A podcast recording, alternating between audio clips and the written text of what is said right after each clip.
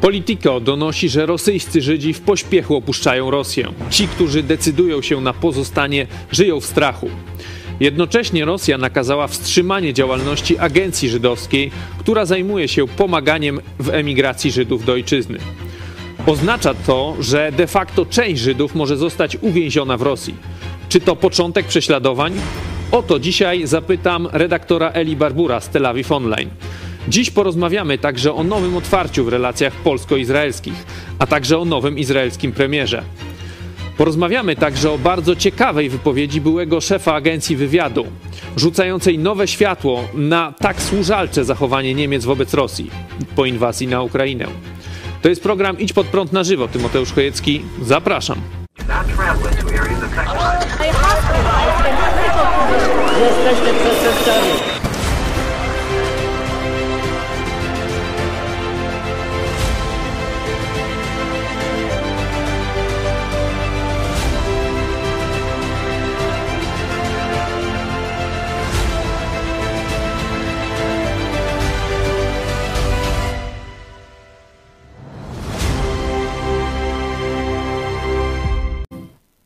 Witam Państwa bardzo serdecznie. Ze mną w studiu pastor Paweł Chojecki. Witam. Witam Ciebie i Państwa również bardzo serdecznie. Za niedługo dołączy do nas redaktor Eli Barbur, a na początek przypominamy o wsparciu telewizji Idź Pod Prąd. Jesteśmy telewizją utrzymującą się z Waszego wsparcia, niezależną telewizją, także jeżeli podoba Wam się to, co robimy, prosimy o wsparcie. idźpodprąd.pl wsparcie, tam możecie znaleźć różne formy wsparcia od tradycyjnego przelewu po te najnowocześniejsze bliki, Paypale i tak dalej. Jeszcze raz mówię idźpodprąd.pl wsparcie. Co miesiąc realizujemy tą akcję challenge tysiąca gitar.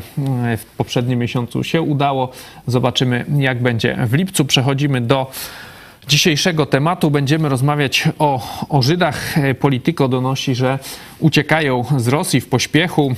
W 2019 roku w Rosji mieszkało 165 tysięcy Żydów. Była to szósta największa społeczność żydowska na świecie po, poza Izraelem. No i oni piszą, że od początku wojny, czyli od 24 lutego, 10 tysięcy z nich otrzymało izraelskie obywatelstwo. To jest dosyć dużo. Izrael uruchomił specjalny program, e, który umożliwia nawet e, składanie wniosków po obywatelstwo po przybyciu do Izraela, no ale Rosja e, teraz zakazała działalności tej agencji żydowskiej, czyli ta agencja właśnie zajmuje się na całym świecie ewakuacją czy emigracją Żydów e, z różnych państw do Izraela. Ona też, mm, no to już od początku państwa Izrael właśnie tym się e, zajmowała. No i jest problem teraz, no bo ci Żydzi, którzy już dostali e, obywatelstwo na przykład izraelskie, będąc w Rosji, nie mają teraz jak się dostać, no bo wiadomo, Rosja ma jest embargo, jest, są ponakładane sankcje na, na loty samolotami i teraz no oni się tam boją, mówią, że może będą nawet prześladowani. Jak myślisz, dotychczas była raczej dobra ta relacja e, żydowsko-rosyjska. Myśmy przecież krytykowali często Izrael za, za duże zbliżenie e, z, z Rosją przy okazji e, tam Dni Pamięci II wojny światowej. To już tak było myślę, że dwa lata temu pamiętam.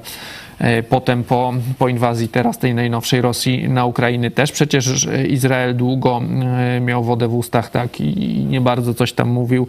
Dopiero ostatnio jakoś tam się wypowiada, jakieś tam wsparcie jest, chociaż też nie, nie takie jak militarne, jakie mogłoby być. Myślisz, że to koniec tej współpracy, tej może nie miłości, ale jakiejś tam przyjaźni rosyjsko-izraelskiej? Zawsze, kiedy patrzyłem na te właśnie umizgi, e, czy premiera Netanyahu, czy innych polityków izraelskich w stronę Izraela, czy... I z Rosji w stronę Rosji, przepraszam, e, czy mm, takie no, masowe pozostawanie na terenie Rosji, przypominam, operacja e, Most e, to lata 90., kiedy Żydzi pierwszy raz no, mieli okazję masowo uciec z Rosji. Ja się dziwię, że jeszcze prawie 200 tysięcy Żydów tam zostało, bo to jest państwo antyboże. No, Izrael, nawet ten ateistyczny, odwołuje się do Boga Biblii. Nie? Oni, co prawda, nie uznają w większości Jezusa Chrystusa, chociaż już jest spora społeczność tak zwanych Żydów mesjańskich, czyli tych, którzy uznają w Jezusie Boga i Zbawiciela. No ale no, raczej jest to państwo, gdzie tym odwołaniem jest Stary Testament. Dalej jest to objawienie prawdziwego Boga. Stąd dziwię się, że państwo, które, czy naród, który odwołuje się nawet w tej swojej ateistycznej części, nie? No bo spora część Żydów ateiści, ale jednak tam jakieś te święta, jakieś e, zwyczaje, jakieś e, historie e, ze Starego Testamentu, to dalej są dla nich ważne, nie? Że, że ci ludzie nie widzą, że imperium zła nigdy nie będzie przyjazne dla ludzi z narodu, który no, Bóg sobie szczególnie upodobał, nie? I przygotował go do pewnej misji. Oczywiście no, ta misja to nie jest, żeby tam się bogacić, panować nad światem, różne takie rzeczy, tylko żeby rozpoznać Mesjasza, rozpoznać Jezusa Chrystusa. To była misja Żydów, e, stąd warto to pamiętać. Tu bym w jakiś sposób widział też tę duchową płaszczyznę, bo kiedy patrzę na to, co Żydzi robią w stosunku Izrael oraz ci Żydzi, którzy jeszcze mieszkają w Rosji, no to się dziwię nie? E, kiedy patrzę e, oczyma takimi, takimi duchowymi, nie? Kiedy e, patrzę na poziomie materialnym, no to tu redaktor Barbur pewnie nam to wytłumaczy, że tam jest i spora diaspora, około miliona Żydów rosyjskich, czy oni Żydzi, czy oni Rosjanie, no to tam dokładnie nikt pewnie na 100% nie określi, ale na pewno mają bardzo silne skłonności komunistyczne nie? i skłonności prorosyjskie. Czyli teraz każdy polityk, który chce być demokratycznie wybrany w Izraelu, no musi się jakoś umizgiwać do tych miłujących Rosję e, Żydów, no około miliona. Nie? E, także są czynniki te materialne. Putin rzeczywiście tam z nimi pokazuje im pewne, pewną swoją tak zwaną dobrą wolę, ale myślę, że to jest taka dobra wola ku oszukania Izraela, że w starciu z Iranem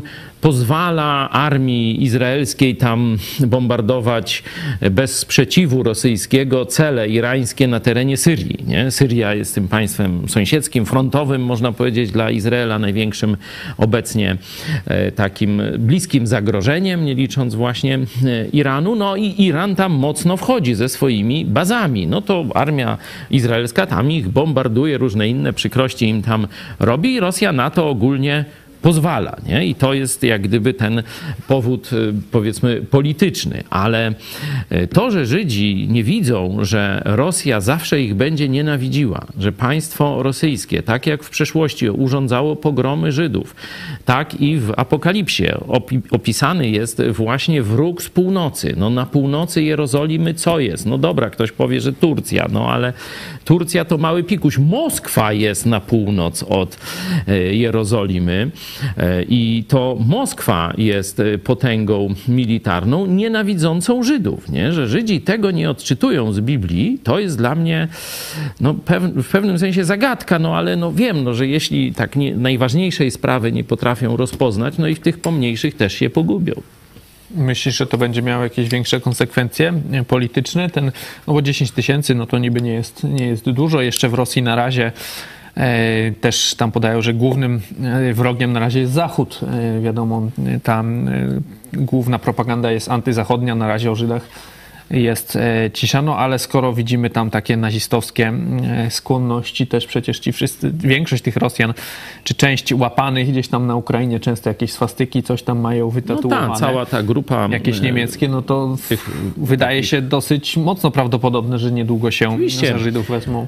Ci tacy nacjonalistycznie nastawieni Rosjanie często używają faszystowskich symboli. To widać na różnych e, takich, podobnie zresztą część polskich narodników też odwołuje się do różnych Dillingerów, do, do tam Waffen-SS, różne sobie tam e, przy... No, ale to takie... nie jest ta skala chyba co w Rosji. No, oczywiście, no bo tam u nas troszkę mniej jest tego towarzystwa, ale ta najbardziej nacjonalistyczna część, taka putinowska część Rosji, tu warto pokazać tych tak zwanych Wagnerowców, czyli ta prywatna armia Putina, no to jej założyciel, no to jest cały tam wytatuowany w jakieś SS-y i różne esy floresy, jak to się mówi. E, także to pokazuje no, tę silną zbieżność socjalistów tych międzynarodowych rosyjskich i socjalistów tych narodowych, czyli niemieckich, hitlerowskich, nie? że przecież Hitler ze Stalinem ręka w rękę szli na podbój Europy, dopiero się tak później pokłócili i tam zaczęli się e, naparzać w socjalistycznej, darwinowskiej e, rodzinie, ale wcześniej no to ręka w rękę i rozbroili się nawzajem. No to teraz e, tu mówiłeś we wstępie o tym wypowiedzi naszego szefa wywiadu, że Rosja jest no, powiązana z Niemcami od lat o tym jeszcze pokażemy przynajmniej 90. To tylko sygnalizuje, że tu te związki Hitlera i Stalina, one absolutnie nie przebrzmiały, że druga wojna światowa, ta druga część po już kiedy się za łby ci dwaj zbrodniarze Hitler i Stalin wzięli, e, te dwa zbrodnicze e, narody II wojny światowej, czyli Rosjanie i Niemcy, kiedy się wzięli za łby, e, to do dzisiaj się nic nie zmieniło, że tu wszyscy myśleli, że ta, ta wojna, gdzie przecież i Rosja okupowała znaczną część Niemiec, gwałciła tam setkami tysięcy Rosjanki, że to spowoduje taki ślad, że Niemcy już nigdy nie będą patrzeć na Rosję jako na partnera. No toż to, to wielka pomyłka, wielka pomyłka. I NRD było wiernym partnerem Moskwy, chyba najwierniejszym w, w tym bloku socjalistycznym. To, to NR, na NRD zawsze mógł liczyć tam Breżniew czy jakiś inny nawet. Atak na Polskę był rozważany właśnie, że tu armia niemiecka znowu zaatakuje NRD-owska. E, I widzimy po 90 roku, po upadku tego muru berlińskiego, że wszyscy kanclerze niemieccy są w kieszeni Moskwy. Nie? I i to mówiliśmy, że stąd właśnie jest ta taka no, praktycznie nie dwuznaczna, tylko jednoznaczna polityka Niemiec w czasie wojny, kiedy Rosja napada na Ukrainę, to e, Niemcy bronią Rosji, dalej wspierają Rosję i nie zbroją Ukrainy. No, Francja też. W oczekiwaniu jeszcze na redaktora Barbura zapytam cię, e, skoro rozpocząłeś te takie eschatologiczne wątki, E, no, widzimy wojnę Rosji z Ukrainą. E, widzimy, że ta Rosja no, raczej tam, no, różnie mówią, przegrywa, może nie przegrywa, zobaczymy zaraz. To, to no, na pewno nie wygrywa jakoś spektakularnie. No a w Biblii jednak jest ta armia właśnie z północy, nie ma Stanów Zjednoczonych, czyli wychodziłoby, że ta Rosja wygra tą wojnę, tak? To starcie, że nie zostanie zniszczona całkowicie, nie przegra tej wojny z Ukrainą no, y, wojna na Ukrainie jeszcze nie jest wojną eschatologiczną. Nie? To dopiero są pewne y, przymiarki w tym kierunku. Y, ja przypominam, że ta ostatnia wojna nie, nie rozstrzygnie się na poziomie armijnym, tylko na poziomie interwencji samego Jezusa Chrystusa. Także tutaj mm, armia Stanów Zjednoczonych nie jest potrzebna do zwycięstwa. Ale już Ale mamy pana ja redaktor. pytałem o, o to, że w takim razie by te Stany przegrały Ukraina. Okej, okay, do tego możemy wrócić. Wiem, że już jest z nami y, redaktor Eli Barbur. Witamy pana redaktora bardzo serdecznie. Dzień dobry, dzień Witamy. dobry, witam Państwa. Jakieś trudności techniczne. Ale na szczęście się udało. Już jesteśmy. Panie redaktorze, rozmawiamy o tym artykule Polityko, który donosi o, o tym no, dosyć dużym eksodusie e, Żydów e, z Rosji. Tam e, oni mówią, że w 19 roku było 165 tysięcy, od 24 lutego już 10 tysięcy otrzymało rosyjskie, izraelskie obywatelstwo, że tam pisze, że nawet, że się boją, że, że ci, którzy zostają, boją się.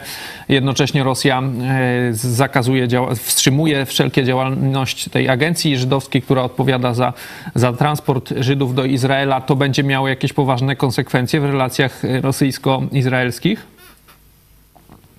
Tej chwili to są raczej jeszcze, e, bo to wczesna faza tego konfliktu tutaj się eskalującego jest. W tej chwili to są jeszcze takie przepychanki słowne, są jakieś tam nieoficjalne przecieki izraelskie, że ta agencja żydowska, czyli jak to się nazywa tutaj, Sochnut, y, jednak będzie miała ograniczony y, zasięg działania, ale będzie działać dalej. No, coś tam wyraźnie, wyraźnie jeszcze, jeszcze zakulisowo oni ze sobą gadają, Izrael z, z tą Rosją, ale, ale sam, sam ten komunikat, komunikat ten komunikat tej Moskwy o przerwaniu działalności Sochnutu, agencji żydowskiej, jest chamstwem zwykłym i oznacza, e, oznacza degradację stosunków, e, degradację, nie wiem jak to określić w ogóle, oznacza, że te stosunki się y, rosyjsko-izraelskie y, znalazły przeżywają teraz bardzo ostry kryzys, no moim zdaniem wreszcie, prawda?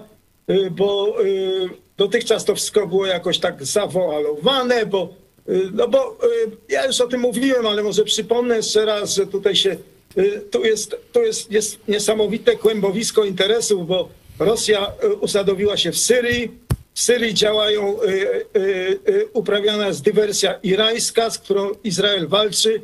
Dotychczas Rosjanie przymykali na to oczy. W tej Syrii, która jest im całkowicie właściwie podporządkowana, y, od paru dobrych lat odbywały się ataki, ataki izraelskie na te cele irańskie Syrii. Tymi celami to są głównie bojówki, y, bojówki szyickie związane z Teheranem, tam szkolone, zbrojone i tak dalej y, przez Teheran. I Iranowi chodzi o skrzydlenie Izraela także od strony syryjskiej. Granica na Golanie z Izraelem. Także to jest żywotna sprawa dla, e, z punktu widzenia no, państwa żydowskiego. Trzeba było z, tymi- z tymi Rosjanami jakoś się tam nadal dogadywać, pomimo tej całej barbarii, która trwa e, od 24 lutego, prawda? To, to chyba nie, nie ulega wątpliwości, że e, jest to po prostu e, wojna, no, no nie wiem, no, no, wojna, nie będę się tam bawił w określenia, sami państwo wiecie o co chodzi. Barbaria, hitleryzm i tak dalej nowoczesny.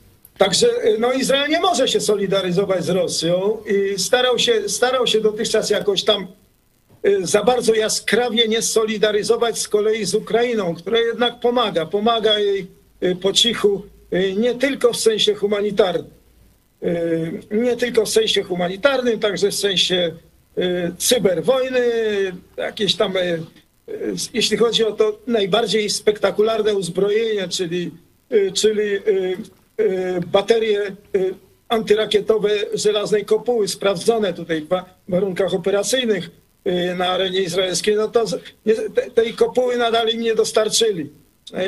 Przynajmniej, nic na ten temat nie wiadomo. Ale w każdym razie y, to się y, przypuszczalnie Rosjanie boją się i przewidują całkiem chyba słusznie, że, y, że podczas zbliżającej się wizyty Bidena w Izraelu, Joe Bidena, która się rozpoczyna już, już w przyszłym tygodniu, 13, y, 13 lipca, no za, za, za, za, już niedługo, zapadną jakieś, jakieś także y, postanowienia, y, zatwierdzone zostaną ruchy mające na celu dozbrajanie Ukrainy także przez Izrael. No bo to jest w ramach y, tej szeroko pojętej współpracy y, amerykańsko-izraelskiej y, w interesie obu stron.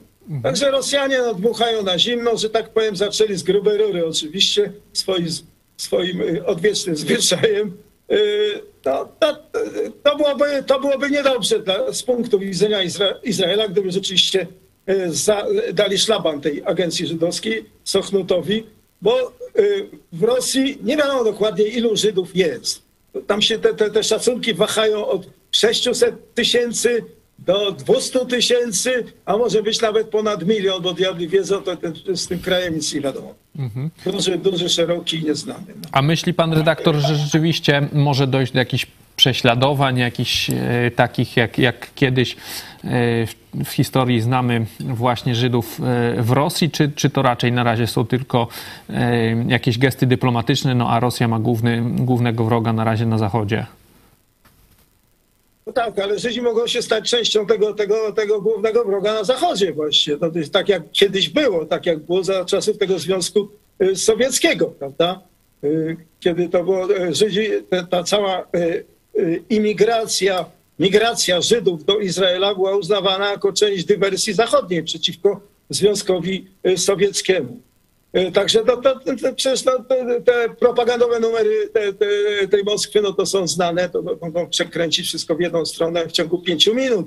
Tak jak ten Ławrow ostatnio tam coś ględził o, o żydowskich korzeniach Hitlera, prawda? No zdolni do wszystkiego, bo to jest komuna, y, komuna skisła i ohydna. Y, Zawsze tacy byli i to, to są ci sami ludzie. No. Co, ja, co ja państwu będę tłumaczył? No rzeczy elementarne są.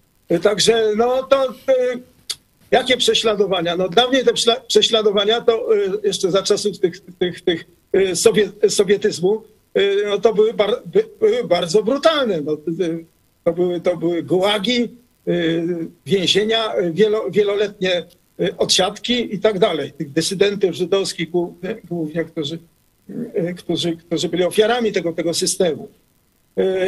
Y, To jest możliwe, no bo widzimy, co się z tym Nawalnym dzieje. Widzimy y, i słyszymy, co się dzieje z, w ogóle z, y, z, z opozycją prześladowaną w Rosji. Także właściwie dlaczego to, y, te, wszystkie, te wszystkie rygory nie miałyby spaść z kolei na Żydów? No. Tak. Oczywiście, że Rosjanie, Ros- to nie jest tak, że y, w szerszym aspekcie, w interesie y, y, Rosji, ale, bo, która, y, przecież ten Putin nie jest głupi, no to dokładnie o tym wie, że, jak, że, że w momencie, kiedy jeszcze dochodzi, dochodzi ten aspekt żydowski do tej całej y, walki, walki z, tym, y, z, z tą Rosją, ro- jeśli chodzi o, o media światowe, aspekty propagandowe y, i tak dalej, publicystyczne, te wszystkie no, znane, to, to, to, to jeszcze ten, ten, ten, ten efekt żydowski by się im nie przydał za bardzo, prawda? Z tym, że tak jak ja to widzę i nie tylko ja, przecież Rosjanie w tej chwili grają na krótką metę. No, to krótka piłka jest. No. Także oni chyba nawet nie patrzą na to, co będzie tam za, za, za miesiąc, za dwa, tylko w tej chwili y, odruchowo reagują. No i ten, ten odruch w tej chwili jest dokładnie tak, tak jak, jak z tym bełkotem do Ławrowa o tych korzeniach żydowskich Hitlera. No właśnie to tutaj no, niesamowite. No to ciekawe niesamowite. y, było, jak po tym właśnie, po tych słowach Ławrowa, y, wydawałoby się tak, że, że Putin się przestraszył, bo zaraz tam zadzwonił, tak? Następnego dnia, czy na drugi dzień, tak? Do, do premiera chyba Beneta jeszcze wtedy, tak? Y, I, i tam coś przepraszał, przynajmniej tak w, Pols- w, polskiej, w polskiej prasie pisało. Takiego było tam Wydawa, wydaje się, że Putin się boi tego konfliktu z Izraelem. No tak, Putin, jak, jak, jak, już o tym mowa, nie- jest cwane, cwaniurka jest to, przecież on się orientuje dokładnie o co chodzi. No. Wie, jest grane tutaj.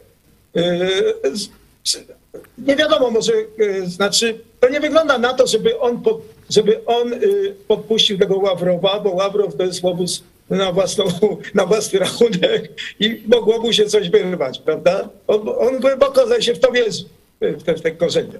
I te rzeczy w ogóle, no, te wszystkie przesądy antyżydowskie. No. Y, Putin nie jest antysemitą. Dotychczas nie był, bo wszystko jest możliwe w obecnym świecie. Wszystko się kręci i przemienia. Ale dotychczas nie był znany jako antysemita i był nawet, nawet y, w Izraelu przez ludzi, którzy mieli z nim y, styczność i zna, znają się na tej materii po prostu, orientują się w warunkach w, tych, w tej całej sytuacji ros, wewnątrzrosyjskiej. Putin był nawet filosemitą.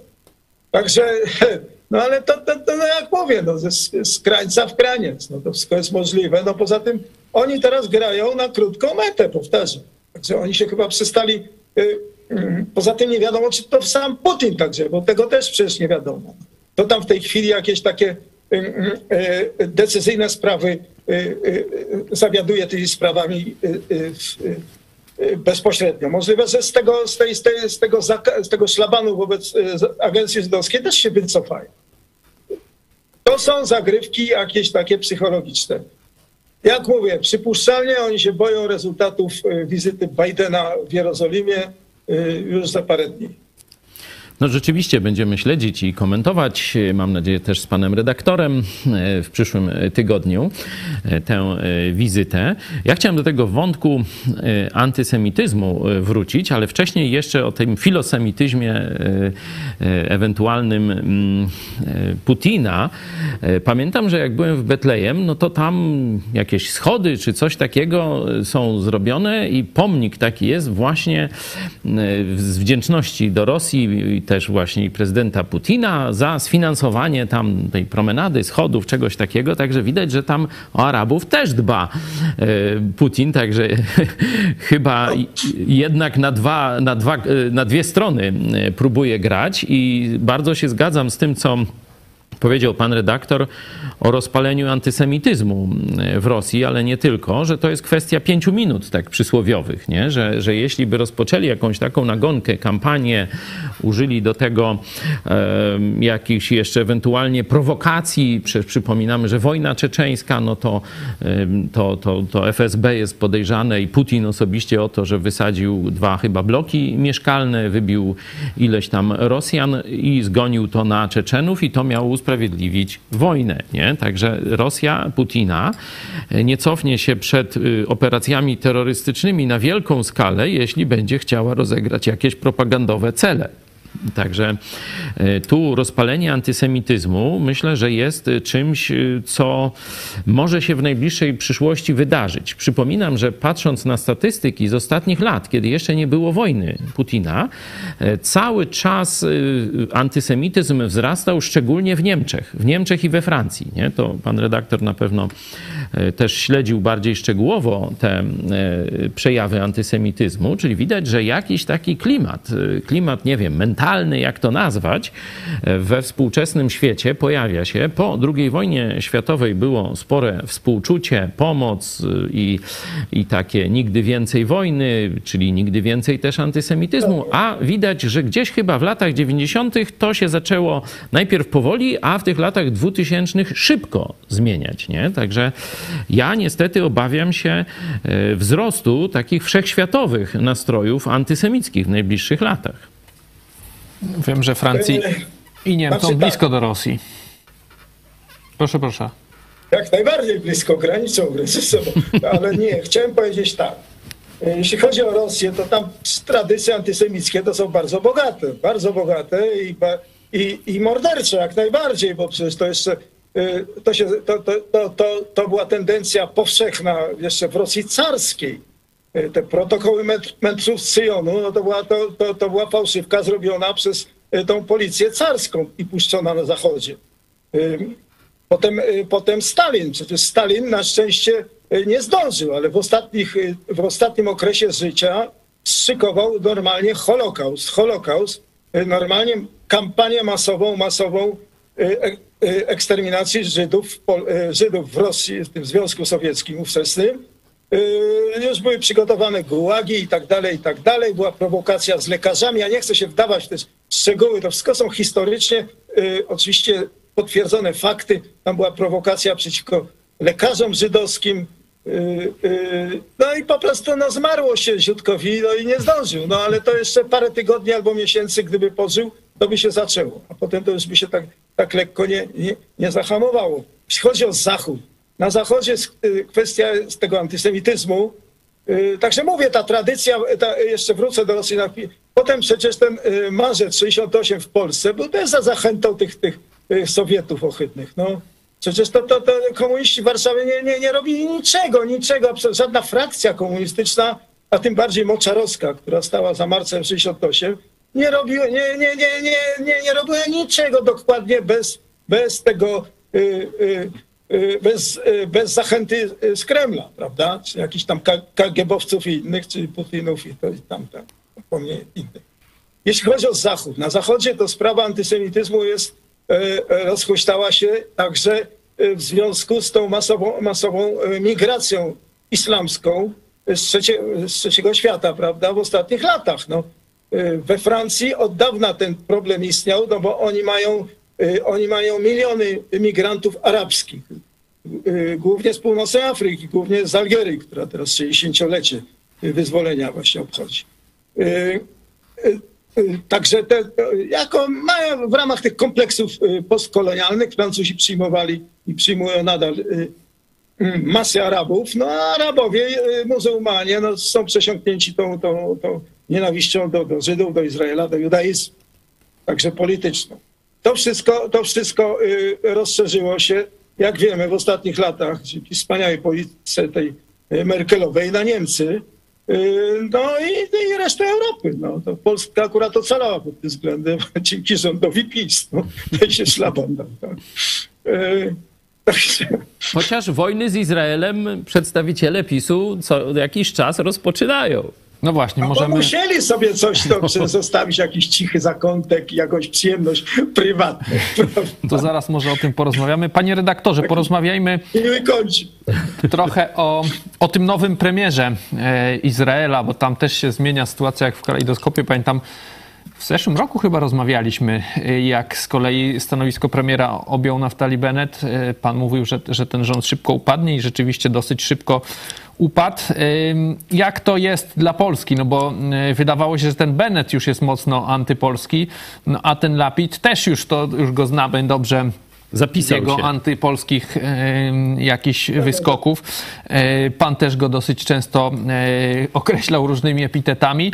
W Polsce mamy takie powiedzenie, zamienił stryjek siekierkę na kijek. Czy to tak dla Polski będzie, że ten zły dla Polski Bennett został zamieniony na jeszcze gorszego? Co oznacza Yair Lapid jako premier Izraela dla Polski, czy też szerzej dla, dla tego sojuszu amerykańsko-izraelskiego? E, Znaczy, czy od razu na kijek, to nie wiem. Właśnie, e, znaczy, byłby to kijek, gdyby on mógł robi, robić e, co chce, bo on jest to, mówię o tym Lapidzie teraz. Jest to głupol oczywiście, no. Polityczny i pod każdym względem notabene, ale nie, nie, nie, nie, nie o stanie jego umysłowości chciałbym teraz mówić, ponieważ on jest też elastyczny. Zresztą widać po jego ruchach, widać jak on się zachowuje, prawda?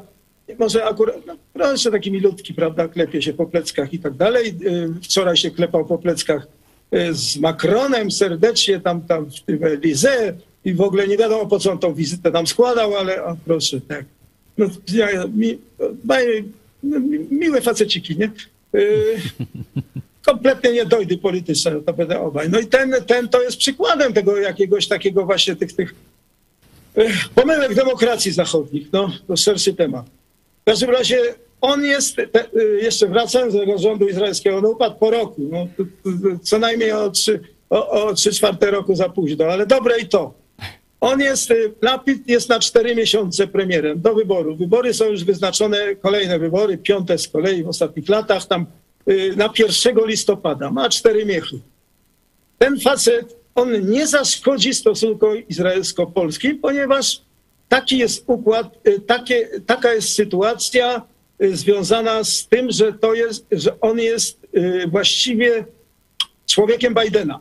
I o tym trzeba pamiętać. Trzeba pamiętać o tym w polityce zagranicznej. On jest faktycznie jakimś taką częścią tego radykalnego skrzydła Partii Demokratycznej w która teraz rządzi, bo Biden jest z kolei niewolnikiem tego, tego niewolnikiem, no w każdym razie przedstawicielem tego radyka, tego skrajnie e, lewicowego skrzydła e, e, w szeregach Demsów, demokratów. Także Ameryka na pewno nie jest zainteresowana w tej chwili w piętrzeniu jakichś konfliktów izraelsko-polskich. Jest, rozumie rolę polską, Polski odgrywaną w tej chwili w konflikcie, w konflikcie na Ukrainie i na pewno jest zainteresowana w tym, jak już wspomniałem przed chwilą, w tym, żeby Izrael zwiększył e, pomoc dla Ukrainy. Także kosztem stosunków z Rosją. Także to raczej by wskazywało na ten gwałtowny zwrot y, w postawie y, tego lapida, y, y, y, który obserwujemy właśnie w ostatnich dniach, prawda? Nagłe, nagła rozmowa obu prezydentów. Y, Duda i Herzog porozumieli się z, telefonicznie. Do, do Izraela e, wraca, znaczy będzie, y, przyjedzie nowy ambasador polski. Y, Izraelski ambasador w Polsce już jest od lutego, ten Liwne chyba. Y, y, Jakaś taka cicha postać, nie, nie rzuca się w oczy. Zobaczymy, jak to się rozwinie. W każdym razie on chyba szkodliwy nie, nie będzie. Y, Także to, to, y, jeśli chodzi o to, ten, ten gwałtowny, y, także myślę, że wyciszą tego lapida, jeśli chodzi o ten, y, a jest to autent, autentyczny gopol, jak powtarzam, no i on, się po prostu nie orientuje. No. Zero, zero wiedzy o jakichkolwiek tam y, y, jakichś przeszłości, dziejach polsko-żydowskich i tak dalej. Przecież to zaczęło się od tego, że jak wyszła ta ustawka o IPN-ie, to on tam walnął wtedy, walnął w internecie wtedy tekścikiem o polskich obozach. Prawda? No to od tego się zaczęło. Wtedy ja się wkurzyłem pierwszy raz. Y, No dzisiaj, dzisiaj zdaje tam się od kolejna afera. Dzisiaj kolejna afera, izraelska gazeta użyła znowu tego określenia. Jeruzalem Post Dzisiaj? chyba, tak? Dzisiaj lub wczoraj, wczoraj Tak, może. chyba Jeruzalem Post. Zaraz, Jeruzalem Post. zaraz nasza reżyserka może poprawi, ale tak mi się wydaje, że to... Nie, to To oni rozumiem. bo oni są tam, tam, tam, są jakieś oszołomy też na pewno. Y, s- Tam się ścierają wpływy lewacko-prawackie w tym, w tym, tym Jerusalem Post. Także pewnie jeden, jeden chlapnął, to drugi od, odszczeka, ale odszczekają podejrzewam. Byłoby dobrze, gdyby polska strona coś tam objechała. No Tak, już, to już, Jeruzalem no. Post, y, polskie obozy Dobrze. śmierci. Y, już, już polska strona zabrała Powiedział, głos. powiedział pan Dobrze. redaktor o, y, o, o tej rozmowie prezydenta Dudy z prezydentem Izraela, tak, panem Herzogiem. Ja może przeczytam krótki komunikat. Ustalono, że stosunki między obydwoma krajami zostaną przywrócone na właściwe tory. Prezydent Herzog w ramach współ- wspólnej inicjatywy z premierem i ministrem spraw zagranicznych Izraela zwrócił się z prośbą właśnie o powrót ambasadora Polski do Izraela. Prezydent Duda się zgodził.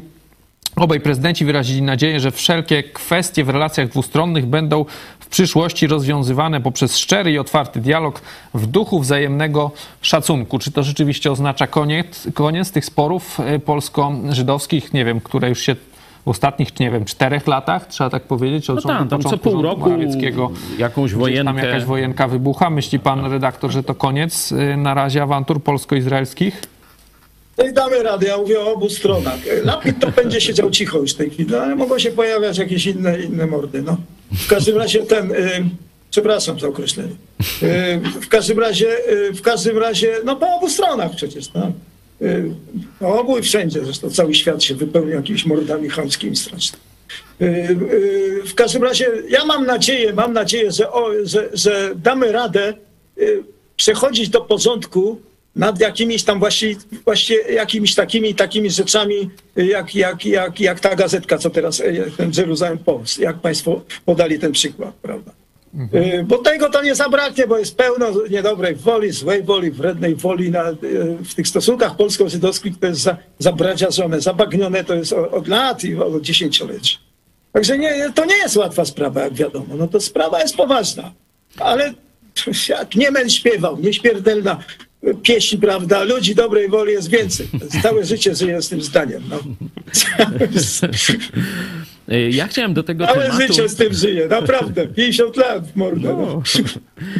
Żelazna kopuła e, to jest e, temat dla Polski bardzo, bardzo e, istotny. Mówiliśmy, że na razie Izrael nie chce dać Ukrainie, ale na początku wojny Putina gruchnęła taka wieść, że Izrael da tu Niemcom i Polsce, czyli że Polska będzie chro- chroniona przez żelazną rakietami. kopułę, ale właśnie Niemcy będą, że tak powiem, trzymali nad tym kontrolę, czyli oni będą mieli guzik, czy strącić ruską rakietę lecącą na Warszawę czy inne miasto, czy nie strącić. Oczywiście myśmy zaraz tu powiedzieli, że to jest skandal.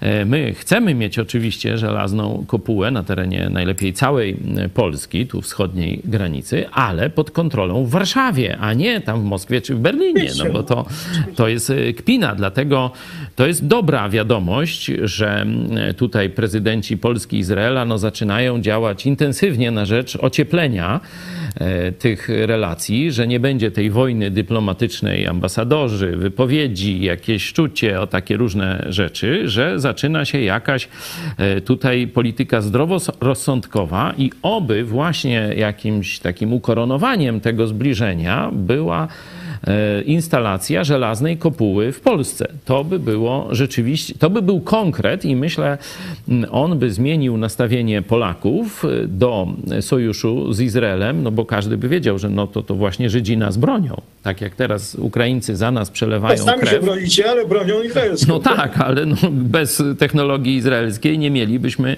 e, obrony przed atakami kwestia Putina. taka, jeśli chodzi o polską obronę przeciwlotniczą, to już te przetargi i zwycięzcy już są wyłonieni, bo mamy mieć brytyjską i amerykański ten system dalekiego zasięgu. E, Panie redaktorze, ja chciałem jeszcze tak zapytać, bo tak mówi pan o tych pięciu wyborach w ostatnich latach. Mi to się kojarzy z tą Polską przed przewrotem majowym, tylko że wtedy ta Polska nie funkcjonowała za dobrze. Nie można było stalić budżetu, te rządy właśnie wypadały. No a Izrael, ten rząd się zmienia co roku, czasem wcześniej. Te wybory tam są, tak jak pan powiedział, pięć lat już, pięć razy w ostatnich latach. Jak to jest, że Izrael funkcjonuje dobrze w miarę, tak, w, tak złym środowisku, a y, politycznie jest tak, pomimo tego, że politycznie jest tak niestabilny? Polska, wydaje mi się, że to by było państwo w dryfie, gdyby, gdyby te rządy się tak zmieniały co kilka miesięcy, bo to e, zanim by ci wszyscy ludzie na tych stołkach okrzepli, no to już by były nowe wybory. E, a Izrael jakoś funkcjonuje. Tak, no różni, y, podobieństwo jest takie, że i Polacy, i Żydzi to są narody wewnętrznie skłócone i bardzo lubią się kłócić, prawda? No to chyba się z tym zgadzamy. No, tutaj, y, no, jeśli chodzi o Izrael, to na 100%. To, to jest tradycja jeszcze, jeszcze zanim powstało państwo Izrael. Jeśli chodzi o przewrót majowy, no pamiętajmy, że Polska była wtedy młodziutkim krajem, no, odrodzonym młodziutkim krajem i rzeczywiście no, nie była jeszcze dojrzała politycznie. W Izraelu Y, ta demokracja jednak trwa już 70 parę lat i pomimo tych, tych wewnętrznych zawirowań i, i, skut, i kłótliwości naturalnej, y, jednak istnieje też coś w rodzaju y, takiego wspólnego frontu. Instynkt za, samozachowawczy Żydzi mają już rozwinięty po II wojnie, prawda? Wreszcie. Także ten, tutaj to, co się tyczy obronności kraju, nie, nie jest związane z konfliktami politycznymi tak naprawdę jakieś tam nominacje, prawda, w wojsku i tak dalej mogą być związane i przeważnie są związane, ale jeśli chodzi o całokształt, prawda, y, sprawność, sprawność tej machiny, machiny y, y, wojskowej wojennej, to ona jest, ona cały czas jest na, utrzymywana na poziomie takim, żeby móc się bronić. No, widać to zresztą na każdym kroku, bo nawet w okresie tego, tego naprawdę nie, niedobrego i nie, nie, nieudanego, niedojdowatego rządu Beneta, który właściwie nic nie robił, to jednak ta machina wojenna działała cały czas nieustannie i bardzo sprawnie. No, przez cały czas trwały ataki na te cele irańskie, o których przedtem wspomniałem, w tej upadłej Syrii. Przez cały czas y, dokonywane są y, zamachy na jakichś czołowych czołowych konstruktorów y, od, od, od rakiet, od, od, od, od, y, od y, jakichś tam cyberspecjalistów i tak dalej, tych zbrojeniowców w Iranie. Także to wszystko działa. To, to, to już Mossad, prawda, te wszystkie służby wywiadowcze, wojskowe i tak dalej, wszystko działa super. No i dobrze, no i dzięki temu ten kraj się trzyma, bo inaczej to już dawno by go nie było, od dziesięcioleci już by go nie było. Od zarania, od pierwszej chwili, kiedy tam powstał. 1948 roku, od razu na drugi, na drugi dzień przecież tam pięć czy, pięć czy siedem armii arabskich napadło na Izrael. Wtedy to cudem ocalał, ale teraz to już jest sprawa po prostu y, y, sprawności wojskowej i patriotyzmu, powiem otwarcie po prostu tych rzeczy podstawowych, podstawowych rzeczy, które są takie ważne, jak teraz widzimy, na, y, widzimy najlepiej w Europie, patriotyzmu, poświęcenia, odwagi i tak dalej. No to wszystko w Izraelu istnieje cały czas. Y, i dzięki temu się ten kraj jakoś trzyma. Y, te zawirowania polityczne, to jest, y, cała ta sprawa w Izraelu jest częścią właśnie większego problemu, który dotyka cały, cały zachodni świat, cały wolny świat. Może o, te rzeczy są może troszkę inaczej, inaczej one się odbywają w Polsce, bo, to, bo jesteście krajem, który, który no, wyzwolił się tam parędziesiąt lat temu dopiero spod tej dominacji sowieckiej więc te, te, te, te struktury demokratyczne, one są wypaczone, ale inaczej, prawda, z innych powodów. Natomiast na Zachodzie one są zmęczone, one są przeżarte, przeżarte chorobą e, lewicowości e, i tych jakichś takich wpływów tego aparatu urzędniczego, który od środka e, sabotuje działania rządów. I to w Izraelu jest bardzo jaskrawym zjawiskiem. To samo następuje, to samo widać bardzo wyraźnie w Stanach. Cała ta afera przeciwko Trumpowi, któremu uniemożliwiano e, na przykład działanie od strony e, w stosunku w relacjach z Rosją, tam e, imputowano mu spisek z Putinem, prawda, i te rzeczy znane. Przez to nie mógł nic robić. Może by jakoś tego Putina, rozumiem, wziął za łeb. No diabli wiedzą, przecież nie wiadomo. No, Trump był nie, nieprzewidywalny i udawało mu się, udawały mu się czasem ważne sprawy. Możliwe, że wróci, bo daj Boże, tak samo jak Netanyahu w Izraelu. No to tak bym to ujął, no, skrótowo bardzo. No tutaj jeszcze dołożyłbym ten, ten element y, służb, czyli wojska, tajnych y, służb, że wydaje się, że w Izraelu ten komponent, ze względu na to, co pan redaktor powiedział, stałej, można powiedzieć, gotowości do obrony, gotowości do wojny praktycznie, to jestem przekonany, że te struktury siłowe mają jakieś, że tak powiem, zabezpieczenia, żeby jacyś głupi, szaleni politycy, wybrani demokratycznie, nie zniszczyli potencjału obronnego Izraela. Nie? Czyli jakiś mają wpływ na całą politykę państwa żydowskiego i odpowiadając na na twoją, twoje pytanie, no ja bym tak y, na nie odpowiedział, że tu poza strukturą tą polityczno-demokratyczną istnieje silna, mądra struktura y, wojskowa, która trzyma to wszystko jakoś w garści. W Polsce też taka struktura jest. Niestety nie jest to polska struktura, tylko jest to sowiecka struktura. Mówimy o wpływie GRU, KGB, tam te różne służby pokrewne w Polsce zbudowane. Y, one niestety w sposób pozademokratyczny w Polsce dalej od, y, odgrywają kluczową rolę w utrzymywaniu tej Republiki Okrągłego Stołu, bo tak trzeba współczesne państwo polskie nazwać, tylko nie są to elity patriotyczne. Pan redaktor, to jest podstawowa różnica między Polską mm, a Izraelem. Są te zakulisowe władze, mm, władza tajnych służb i, i struktur wojskowych, tylko że tam mamy element patriotyczny, tu mamy element zdrady narodowej, element sowiecki. Panie redaktorze, zapytam jeszcze. I Dodam napis... tylko, dobrze? Proszę, proszę. Dodam? Mogę? Tak, tak, oczywiście. Mogę? Czy po... Proszę, proszę. W Izraelu też jest ciekawe zjawisko nadprodukcji generałów, że tak powiem. Umowna nazwa, no bo siłą rzeczy ten, ten, e, ten kraj, przepraszam, orężem stoi. Także tutaj tych generałów, e, a generałowie e, idą do rezerwy tam w wieku tam 47, nie pamiętam, ale przed 50 przeważnie. Także ich jest od cholery i to są ludzie wychowani w strukturach wojskowych, którzy mają. Sposób rozumowania też jest wojskowy, hierarchyczny. Także oni przychodzą do cywila y, i obejmują tam jakieś stanowiska szacowne tam prezesów różnych tam i tak dalej. I to jest częścią, częścią tego właśnie, y, ale, ale zjawisko, ciągiem dalszym tego zjawiska jest to, że oni w momencie, kiedy przeskakują w cywilne, w cywilne, w cywilne ubranka, to nagle się robią lewicowi.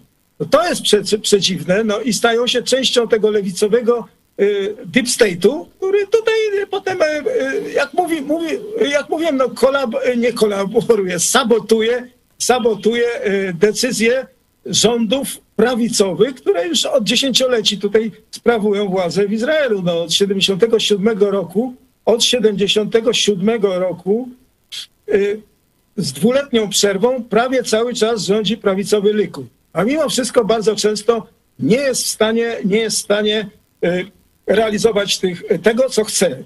Poprzez działania y, właśnie ze strony tego, tego aparatu urzędniczego powiązanego z sądownictwem, y, powiązanego z akademią, prawda? Akademia zdominowana przez lewactwo tu jest, przez lewicę, lewactwo kulturę i tak dalej, no i oczywiście y, tajne służby także. Znaczy oni są z porządku w momencie, kiedy działają, są patriotami, jak pan pastor stwierdził, tak wszystko zgoda, zgoda, są sprawni, umieją myśleć, są inteligentni, ale jak przechodzą, jak kończą te swoje, y, jak, jak kończą, te, jak wychodzą do cywila, no, prawda, to, to nagle się stają, stają, stają, y, stają się jakoś tak bardziej lewicujący, Mało tego, oni często są powiązani y, z, y, z, Ameryka, z, z administracjami i swoimi odpowiednikami w Stanach Zjednoczonych. A tam przecież przez wiele lat przed Trumpem y, no, Obama dwie, dwie kadencje, ten młodszy W. Bush też był tak prawicowy, niby prawicowy, ale zdominowany przez lewactwo. Także oni to są różne wpływy, które tu się krzyżują. Mniej więcej tak, tak to wygląda. No. No, podobnie mamy teraz, y, właśnie wzmiankowałeś wypowiedź jednego z naszych oficerów, sytuację w Niemczech, że tu są kanclerze, tu jest niby demokratyczna władza, a rządzą Ruscy i ich agenci w Niemczech. No, no właśnie, tak może, więcej bym to Może w takim razie no. pokażemy Państwu e, fragment właśnie rozmowy e, z portalu w Wirtualnej Polsce, to jest w programie Newsroom Patrycjusz Wyżga rozmawiał z pułkownikiem Andrzejem Derlatką, e, byłym szefem agencji wywiadu. Zobaczcie Państwo fragment tego programu i za chwilę porozmawiamy o tych dosyć, no, rzadko wspominanych e, no, w kuluarach. w telewizji Idź Pod Prąd, to zawsze o tym mówimy. Tak, zapraszam teraz na ten fragment z Wirtualnej Polski. Ja tutaj nie chcę doszukiwać się jakichś tam e, drugiego dna i tam innych e, przyczyn, e, czasami sięgających okresu zjednoczenia Niemiec i pewnych e, obietnic, koncesji, niejawnych umów, które wtedy mogły być zawarte. Aczkolwiek takie podejrzenia mam, że stosunki niemiecko-rosyjskie są specjalne, wynikające od, od samego początku zresztą zjednoczenia Niemiec, ponieważ kluczowym do zjednoczenia Niemiec było stanowisko Związku Radzieckiego, czyli de facto Rosji, bo Związek Radziecki był emanacją Wielkiej Rosji. Natomiast jakie są przyczyny, no to to jest kwestia przede wszystkim spraw gospodarczych. Zaopatrzenia Niemiec w surowce energetyczne. Nadal te surowce z Rosji, Nord Stream 1 funkcjonuje, aczkolwiek go w tej chwili ze względów rzekomo technicznych wstrzymano, jego funkcjonowanie działa. To oznacza, że Niemcom potrzebne są dostawy gazu. Rosjanie pokazali im w tej chwili, że mogą ich potraktować tak jak Polskę, czyli zamknąć dopływ do, do gazu. Polska jest nieco mniej lepszej sytuacji. Po pierwsze, Polska jest znacznie mniejszą, kilkakrotnie mniejszą gospodarką od gospodarki niemieckiej. Po drugie, uzależnienie od Rosji było mniejsze, ponieważ od lat pracowaliśmy nad tym, żeby zdywersyfikować, czyli zapewnić sobie dostęp energetycznych źródeł, źródeł energii z innych źródeł. To jest sytuacja nieporównywalna. Kanclerz jest odpowiedzialny za pomyślność, bezpieczeństwo, dobrobyt Niemiec. Niekoniecznie za dobrobyt całej Unii Europejskiej, czy tam za inne sprawy. Jasne, jasne. Panie to jest jego odpowiedzialność. Panie pułkowniku, taką decyzję podejmuje. Ale to jest bardzo ciekawe, co pan powiedział, zarówno pierwsza, jak i druga część wypowiedzi, bo czy, czy to znaczy, że, że być może są sprzed, nie wiem, trzech dekad jakieś specjalne umowy Berlina z Moskwą, o których my nic nie wiemy, które są cały czas w mocy, a które mogą wpływać dzisiaj, w 2022 roku, na relacje niemiecko-rosyjskie? No oczywiście to jest pewna ciągłość polityczna. I w owych latach bardzo uważnie śledziłem te problemy, prowadziłem operacje, które miały zabezpieczyć interesy polskie, wyrwać nas z, z tego nieszczęścia, które nam szykowali Niemcy i Rosjanie. Tak czy inaczej, wtedy, już wtedy były podejrzenia, a później i fakty się znalazły, potwierdzone, o tym, że były zakulisowe, niejawne, tajne rozmowy niemiecko-rosyjskie o zjednoczeniu Niemiec. To jest sprawa dzisiaj już oczywista. Myśmy zaalarmowali innych sojuszników, Amerykanów, Francuzów, Anglików, byłych aliantów, którzy mieli wtedy zobowiązania wobec statusu Niemiec, że coś niepokojącego się dzieje i to zaskutkowało. Po prostu te rozmowy przestały być rozmowami tajnymi i prowadzono rozmowy jawne, przynajmniej częściowo w formule 4 plus 2. No. To znana sprawa, to nie będę do tego wracał. Tym niemniej pewne powiązania niejawne wtedy zacierznięto. No, brzmi, brzmi to niezwykle... Wydaje mi się, że to nadal jest w jakimś sensie obowiązujące. Tak jak powiedziałeś, to dla widzów telewizji Idź Pod Prąd nie jest za bardzo nic nowego, no ale w, w mediach głównego nurtu takie Szok. rzeczy, tu, Szok. że Niemcy z Rosjanami gdzieś się 30 lat temu dogadywali i to teraz ma konsekwencje, to rzadko się pojawia, chociaż niedawno była jakaś notatka, pamiętam, chyba wywiadu, Wywiadu. niemieckiego, gdzie tak, tam właśnie ale też było... tam u, o tym, żeby Polskę uczynić, czy czynić dalej biedną, Tak. e, skłóconą, Bez klasy rozdrobnioną, średniej. bez klasy średniej, która by była samodzielnie myśląca Wspierać i katolickie partie chyba tam było, samodzielnie y, podejmująca swoje decyzje polityczne, tylko żeby była państwem biednym, socjalnym, skłóconym i nad tym mają czuwać biskupi katolicy. To jest też z tego samego źródła. My o tym mówimy y, od lat, obserwując owoce. My nie znamy tych porozumień, my nie znamy tych dokumentów, o których pan pułkownik mówi, y, ale widzimy owoce i to się składa. Teraz macie już owoce, o których my mówimy od lat i macie dowody, że takie porozumienia y, powstały. Tu mm, ja bym nie ograniczył się tylko do e, 90. lat, to jest od powiedzmy 300 lat ten sojusz niemiecko-rosyjski, żeby z, zniszczyć Polskę, a przez to zawojować całą Europę, bo kością niezgody, znaczy takim ością w gardle, o tak trzeba powiedzieć, temu, tego sojuszu niemiecko-rosyjskiego jest Polska. Czym Polska jest silniejsza, tym ten e, sojusz ma mniejsze szanse. Kiedy Polska znika z, ma z mapy Europy, ten sojusz nabiera na znaczeniu. Także te dwie e, notatki, czyli to, co mówi dzisiaj pan pułkownik i to, co znamy już z lat 90., trzeba czytać razem. Niemcy stoją na straży za pomocą biskupów katolickich i swoich załóżników politycznych, czyli kato komuna, na straży słabej Polski. A teraz dowiadujemy się, że do spółki z Moskwą, do spółki ze zbrodniczą, komunistyczną Moskwą, bo to jest porozumienie z lat 90.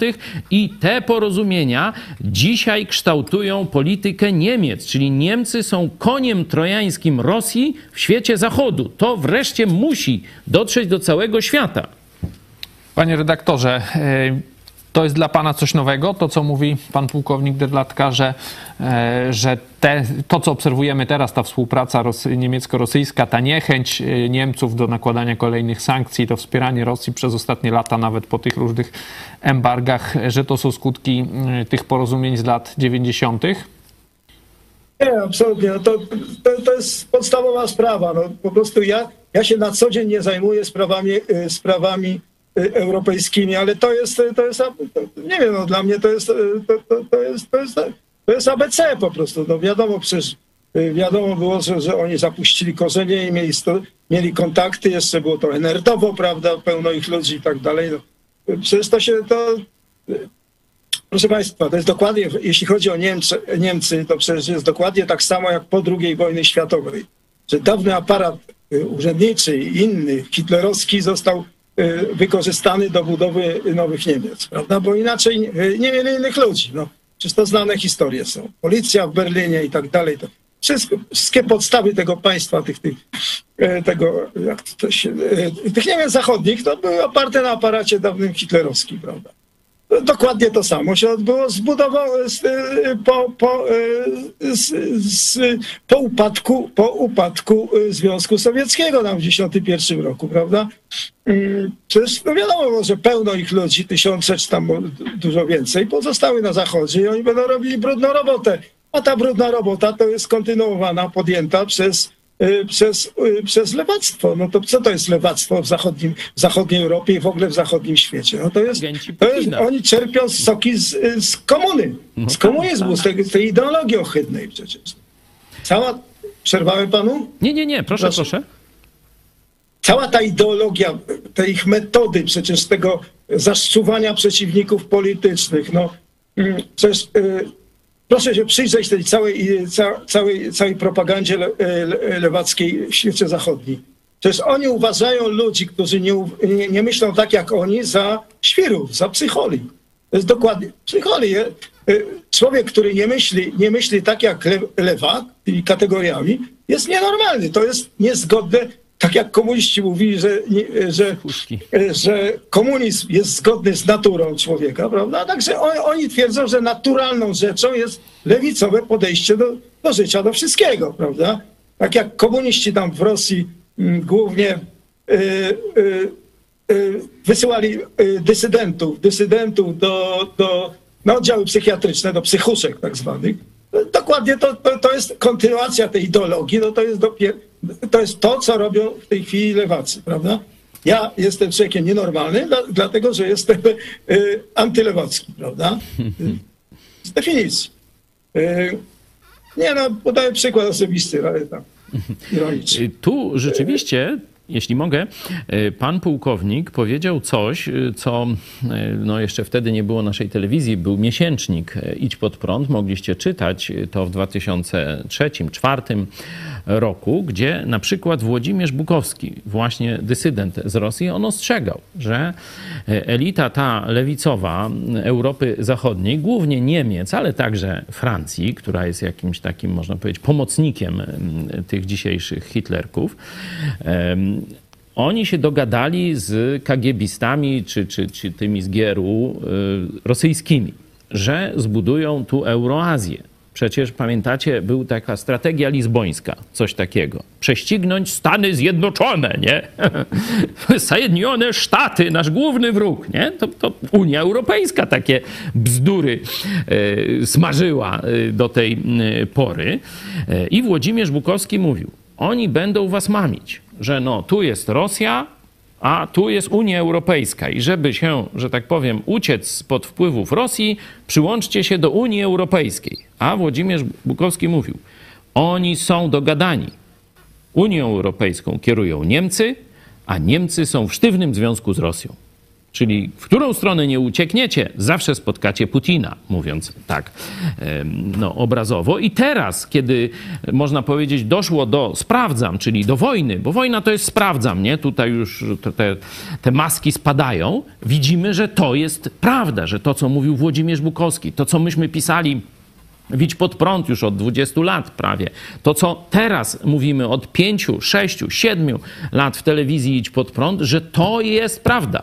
Stukali się w głowy, mówili, że jesteśmy jacyś tam wyznawcy teorii spiskowych. Zobaczcie, szefowie wywiadów dzisiaj mówią to samo.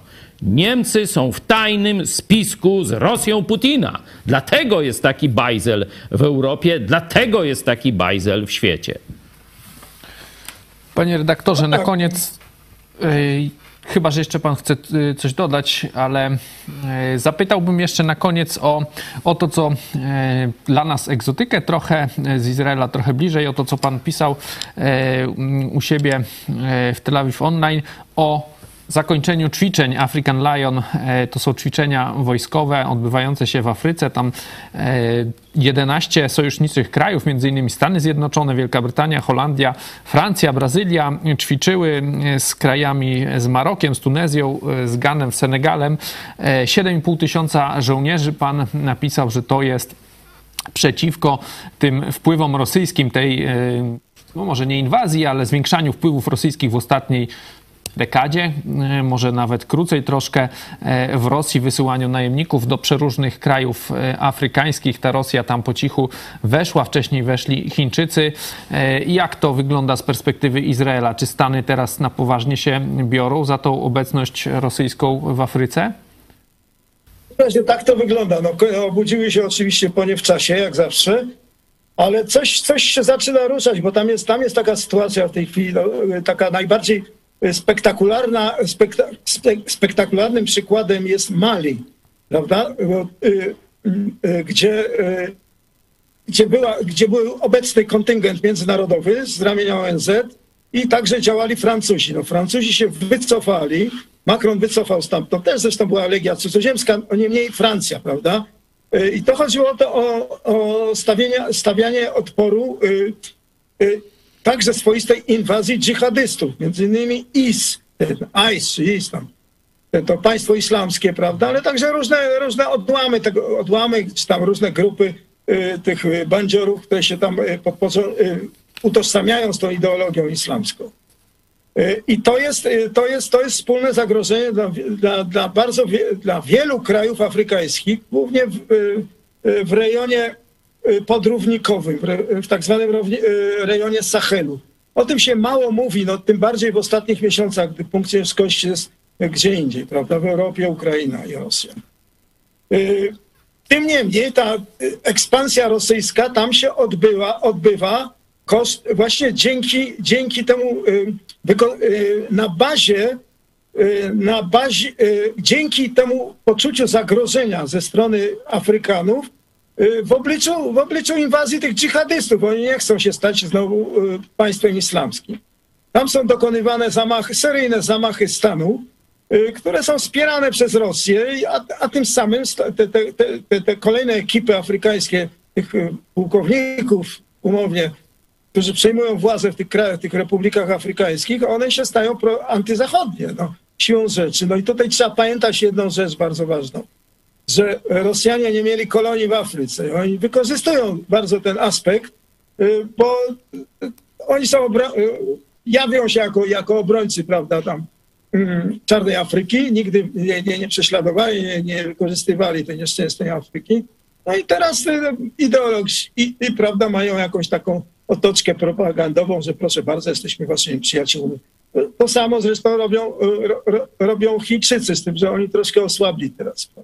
Mają inne, inne preferencje. Zresztą ta y, inwazja z kolei ekonomiczna chińska w Afryce też się odbywa. Ona tam się pewnie w jakimś momencie zde, zderzy albo może zderza z tymi aspiracjami rosyjskimi. No trzeba po prostu zwracać uwagę, że ten front, front który y, antyzachodni front otwarty przez y, putinowców, on obejmuje właściwie cały świat. No i ten nieszczęsny czarny ląd, który naprawdę jest nieszczęsny, także. Tak było za. Mało, mało o tym mówimy.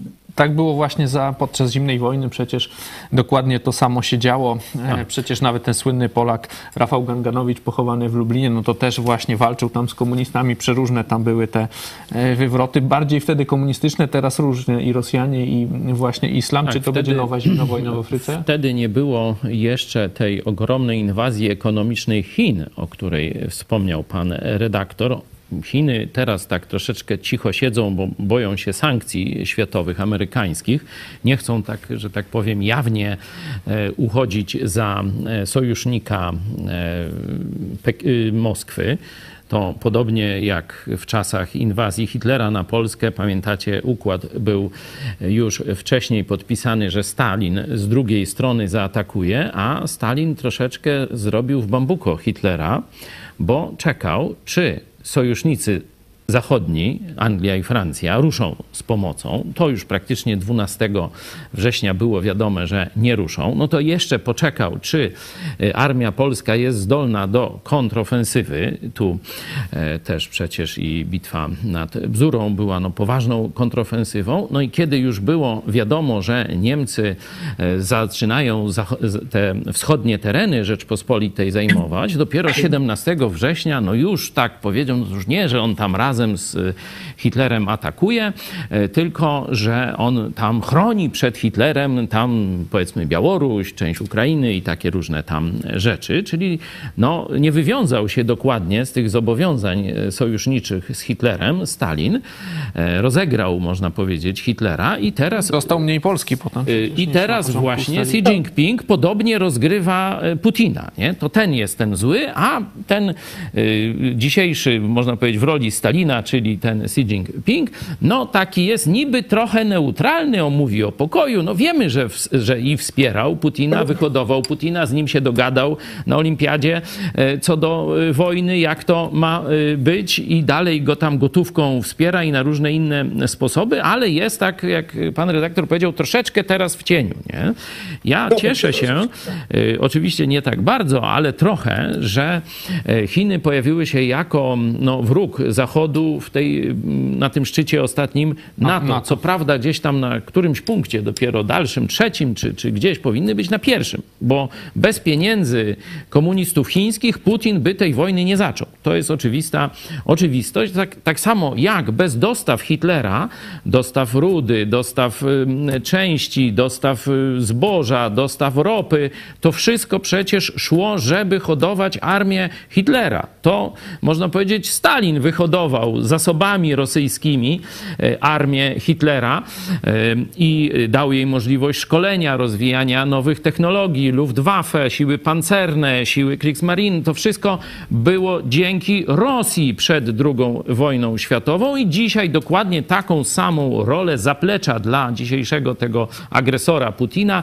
spełniają komunistyczne Chiny. Także cieszę się, że Stany Zjednoczone wreszcie po latach, jak to mówi pan redaktor, wreszcie się obudziły, że Afryka została zdobyta przez ten konglomerat rosyjsko-chiński. Trzeba ją odbić. No, Oby nie za późno się by tego przebudzono. no tak, no za późno. Albo No, nie za późno, ale no, zdaje, się, że, zdaje się, że w ogóle Zachód zaczyna brać się, brać się w karby. No, nie wiem, oby mnie, oby mnie zapeszył. Yy, Zdaje się, że jest jakaś taka tendencja się pojawia. Ja, czy- nie wiem, no to jest, to jest intuicja, intuicja taka dziennikarska, to, to może być zmyłkowe, ale ja mam taką mocną intuicję, że, że coś się zaczęło dziać pozytywnie. Wreszcie. Panie No tak, to jest, jeśli tylko Oczywiście może... dużo przeszkód i tak, Tak. dalej, i pełno, pełno problemów wewnętrznych z tym deep state'em na zachodzie, o którym mówię cały czas. Mam obsesję, ale mówię, ale, ale coś w tym jest. To ale jest- coś się zaczyna jakoś, No. jakoś odżywać. To jest I, nasze... i, na, i na granicy polsko, polsko-izraelskiej Też, no, też tu na właśnie styku. liczymy na... To na też widzimy, to jest chyba częścią tego, no. Amen. Częścią tego, bo może jakiś gaz popłynie izraelski do Polski, daj Boże. No, jest, no bo jest, no są No tak, jakieś te, tak. tego gazu tutaj od groma odkryli przecież. No, uro- rurociągi już są na ukończeniu, także tu północ... No to jest główna rzecz, bo to ma być skroplony, musi być tam skroplony, no, Tak. płynąć, prawda? Ale co, coś tam z tą, z tą kopułą żelazną i tak. Przecież to nie tylko żelazna kopuła, tam jakieś tam cyber sprawy i tak dalej. Oczywiście. Byłoby fajnie, byłoby fajnie. No. To jest nasze Też być albo no, nie być. Jest jakiś zdrowy, zdrowy powiew powietrza, no. Tak. wbrew pozorom. No. To jest nasze być albo nie być. My tu też z redaktor, z redaktor Hanią Szen przecież nawoływaliśmy od lat, że trzeba powstrzymać ten sojusz komunistyczny, przede wszystkim Rosja, Chiny, Iran. To jest sojusz, który ma na celu zniszczenie najpierw Stanów Zjednoczonych, a potem podbicie całego świata. I jeśli nie rozpoczniemy działań prewencyjnych, to niekoniecznie musi być wojna otwarta. Wystarczyło rozpocząć wojnę gospodarczą i zniszczyć tego komunistycznego potwora. I o tym mówię od lat. Nawet proces mam. Pisowska władza, prokuratura wytoczyła mi proces za nawoływanie do wojny z komunistyczną Koreą Południową. To nie jest żart, to nie są jaja, to się dzieje naprawdę w tej y, katokomunie polskiej, nie? I myśmy o tym mówili, no niech teraz dzisiaj ten pro, prokurator powtórzy te zarzuty. No, w momencie tego, co dzisiaj Rosja i Chiny wyprawiają na Ukrainie. No proszę bardzo. No. E, Tak, no w każdym razie no, e, ten, ta wojna gospodarcza to jest najtrudniejsza rzecz, bo to przecież jest, e, zresztą obosieczne, widzimy teraz sankcje przeciwko Rosji, uderzają w Zachód i tak dalej, no są interesy ekonomiczne na Zachodzie, ciężka sprawa. Ale to się możliwe, że, że, możliwe, że poczucie tego zagrożenia ze, ze, ze strony y, y, rusko-chińskiej, prawda, mm, poczucie tego zagrożenia na Zachodzie stało się, y, y, wzrosło wyraźnie. No a oni, a tamci wykorzystują wszystkie, wszystkie schorzenia i, i słabości zacho- zachodniej strony. No to właśnie te wszystkie jakieś takie y, y, pułapki demokracji zachodniej, no to wiadomo. No. No tu, żeby E, zakończyć to, jakąś... To nie jest proste, no to, ale co, jest, pojawiła się wreszcie no, na, na, na zasadzie strasznego paradoksu, no, po- potwornego paradoksu z tą wojną. Pojawiła się jakaś iskierka nadziei, no nie wiem jak to inaczej nazwać. No. Nie, no bardzo pięknie, zgadzamy się też z tą nazwą. Żeby zakończyć jakąś konkretną, dobrą wiadomością, to e, gospodarka niemiecka zaczyna padać na pysk. To jest dla wolnego Tak, świata tak. bardzo dobra wiadomość. E, tam jeden z tych e, symptomów to jest, że import przekroczył eksport. Oni do tej pory stali eksportem, około tam ponad 100 miliardów dolarów mieli nadwyżki eksportowej każdego roku. Teraz mają już, e, że tak powiem, deficyt, e, ale jeszcze ciekawsze rzeczy wyszły. Okazuje się, że gospodarka niemiecka czym stała? Komunistycznymi Chinami i No tak, putinowską Rosją. Od tegośmy zaczęli. I gazem, teraz oczywiście. to wychodzi i leci na pysk. Niech na ryj jeszcze tam upadnie. Tego życzymy nowym Hitlerom i Stalinom. To nawet o tym pisał niemiecki, niemiecki Onet przecież. Panie redaktorze, na koniec jeszcze mam pytanie od naszego widza. W Polsce e, dużo się mówi o inflacji, drożyznę. Obserwujemy na każdym kroku ceny benzyny szaleją. Mamy pytanie, mam pytanie do pana redaktora. Ile kosztuje litr paliwa w Izraelu i jakiej wysokości jest inflacja teraz w Izraelu? Racja to ja w w tej chwili nie pamiętam, ale li- litr paliwa ponad 8 szekli. No to, to jest tragedia zupełna. No. To drożej niż też w jest Polsce, ale to tam ile to będzie? Z 10 zł z hakiem, tak? Około 11 Tak, chyba. coś takiego. Nie no, drożyzna jest potworna, ludzie są wściekli, ale, ale to się wszystko jeszcze nie przekłada na jakieś protesty polityczne. Możliwe, że lada moment coś się zmieni. No, tutaj jest taka sytuacja, że y, na szczęście, na szczęście no, w- ostatnich latach w Izraelu odkryto, odkryto i zaczęto eksploatować ten y, gaz podmors, z podmorskich źródeł. I to, to jakoś tam troszeczkę utrzymuje nas na poziomie. No, dzięki temu gazu no, elektryczność jakoś nie drożeje drastycznie, no, no, to jest bardzo ważne, no, bo przez tę elektryczność to y, produkcja i tak dalej, przemysł. I wszystko właściwie. Także to y, ceny są, jest drożyzna, ale to wszystko nie jest jeszcze, to jeszcze nie, nie, nie, nie, nie nie przełamało tego, tego e, karku wielbłąda na razie jeszcze. Były jakieś początki protestów społecznych, prawda? E, Rozstawiono namioty tam w centrum Tel Awiwu i tak dalej, ale tych namiocików było kilkanaście i się rozeszli, rozeszli się chyłkiem. E, Także nie, to, to nie jest drastycznie. No. W Polsce, Nieprzyjemnie, ale nie, nie, nie w sposób taki, żeby Prezydent wyprowadzić Duda tłumy powiedział w. Polsce, że mm, bo wiadomo, inflacja jest duża, drożyzna też bardzo duża. Andrzej Duda powiedział, że musimy zacisnąć e, Nie, zęby nie, i nie, nie. O, chyba. przepraszam. Nie powiedział, że musimy.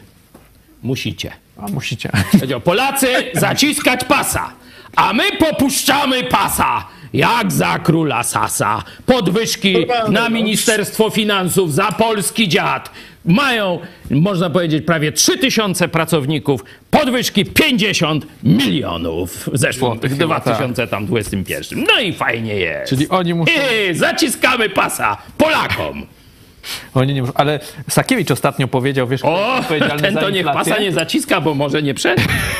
Tak, Są różne jego zdjęcia. Powiedział, że to Tusk jest odpowiedzialny za inflację, bo atakuje chyba NBP jakoś. Tak? No tak, tak, tak. to- No, to dlatego Ja bym powiedział, rośnie. że różne rzeczy mózg atakują i to widać. Cukier, nie, nie, źle wpływa cukier. No tam, żeby tylko cukier. No, cukier. Z cukru to różne rzeczy można robić. No to już nie będziemy cukru w cukrze już poziomu badać tu dzisiaj. Pan Okej. redaktor doskonale wie, o czym mówię. Przechodzimy w takim razie do ogłoszeń. Jakieś krzepi, krzepi. Co dzisiaj jeszcze? O 18. Ciekawy program. Chcę umrzeć, nie chcę tu żyć. Skąd takie myśli u kilkuletniego dziecka? Jak poradzić sobie ze strachem przed śmiercią? Skąd mieć pewność, że Jezus rzeczywiście odpowiedział na wołanie o ratunek przed piekłem? Zobaczmy teraz krótką zajawkę, trailer tego mm, programu, który zobaczycie dzisiaj o godzinie 18. Kornelia, dlaczego dzisiaj spotkałyśmy się tutaj? Takie nietypowe miejsce, ten Zalew Zębożycki w Lublinie, to e, przeze mnie rzadko odwiedzane, ale e, dlaczego chciałaś właśnie tutaj być? Na taką ostatnią spowiedź, ale dla Ciebie to chyba i pierwszą. Pier, pierwsza spowiedź, tak. Chciałam opowiedzieć o tym, co y, wydarzyło się tutaj właśnie nad zalewem 18 lat temu. Tak, 18, 18 lat y, temu, także y, no, Kornelia ma duchową pełnoletność, można tak powiedzieć, nowe narodzenie, 18 lat temu, także będzie ciekawie, zapraszam y, wszystkich, szczególnie takich naszych no, starych widzów, którzy śledzą też życie naszej redakcji, rodziny i tak dalej. Wiele ciekawych rzeczy dzisiaj się dowiecie. Dzisiaj to o 18. Po programie. Hejterów też zapraszamy. No nie, to ich Może nie trzeba zapraszać, na pewno. Oni, oni na pewno. Po programie Pomyśl Dziś Pastora Hejckiego Ekumeniczna Miłość, dalszy ciąg e, z, Świdnicy, tak? E, z, z materiałów nagranych mm, tam z, z Dolnego Śląska. Kartka z kalendarza Piotra Stkowicza, wydarzenia z 1918 roku. My się z Państwem będziemy już żegnać. Ze mną był pastor Paweł Chojecki, dziękuję. Dziękuję bardzo. I redaktor Eli Barbur, prosto z Tel Awiwu. Dziękujemy panu redaktorowi Bardzo serdecznie, dziękujemy. I również i pozdrawiam was wszystkich. Bardzo, bardzo gorąco, bardzo gorąco. U nas też U nas gorąco. też, chociaż dzisiaj troszkę lepiej. Dziękujemy. Słuchajcie, ale tutaj jest jeszcze wilgotność, ta wilgotność, to potworne 90% w Tel Awiwie, straszne. No. Dziękujemy, e, życzymy w takim razie ochłodzenia. Do zobaczenia. Za mną widzicie największy kościół budowany w technologii drewnianej w Europie, a być może i na całym świecie. W środku wygląda jeszcze bardziej imponująco, bo to barok, połowa XVII wieku. Jak to się stało, że taki dziwny obiekt powstał na tym terenie? Otóż jest to dowód miłości katolików do protestantów. No nie, to nie był prezent katolików dla protestantów. Wręcz przeciwnie, e, katolickie władze Habsburgów, które zajęły ten teren, chciały upokorzyć, wyeliminować z życia społecznego protestantów. Dlatego powiedzieli, że swoje budynki mogą budować, ale tylko pod następującymi warunkami. Cały proces budowy może trwać tylko jeden rok. Nie wolno używać żelaza, stali. Można używać tylko słomy, tylko drewna, tylko gliny i piasku. Pamiętajmy, że dzisiaj niewiele w tej sprawie się zmieniło. Jest tak zwany ruch ekumeniczny, ale kiedy patrzymy na praktykę, to Kościół katolicki wysyła przeciwko nam hejterów, prokuratorów, rozgrzanych sędziów, i inne formy dyskryminacji. Każdy, kto wierzy, że hierarchia katolicka się zmieni, jest albo ignorantem, albo głupcem, albo coś jeszcze gorszego. Oczywiście liczyli, że w rok to zbudują co najwyżej jakąś większą chatę pokrytą słomą.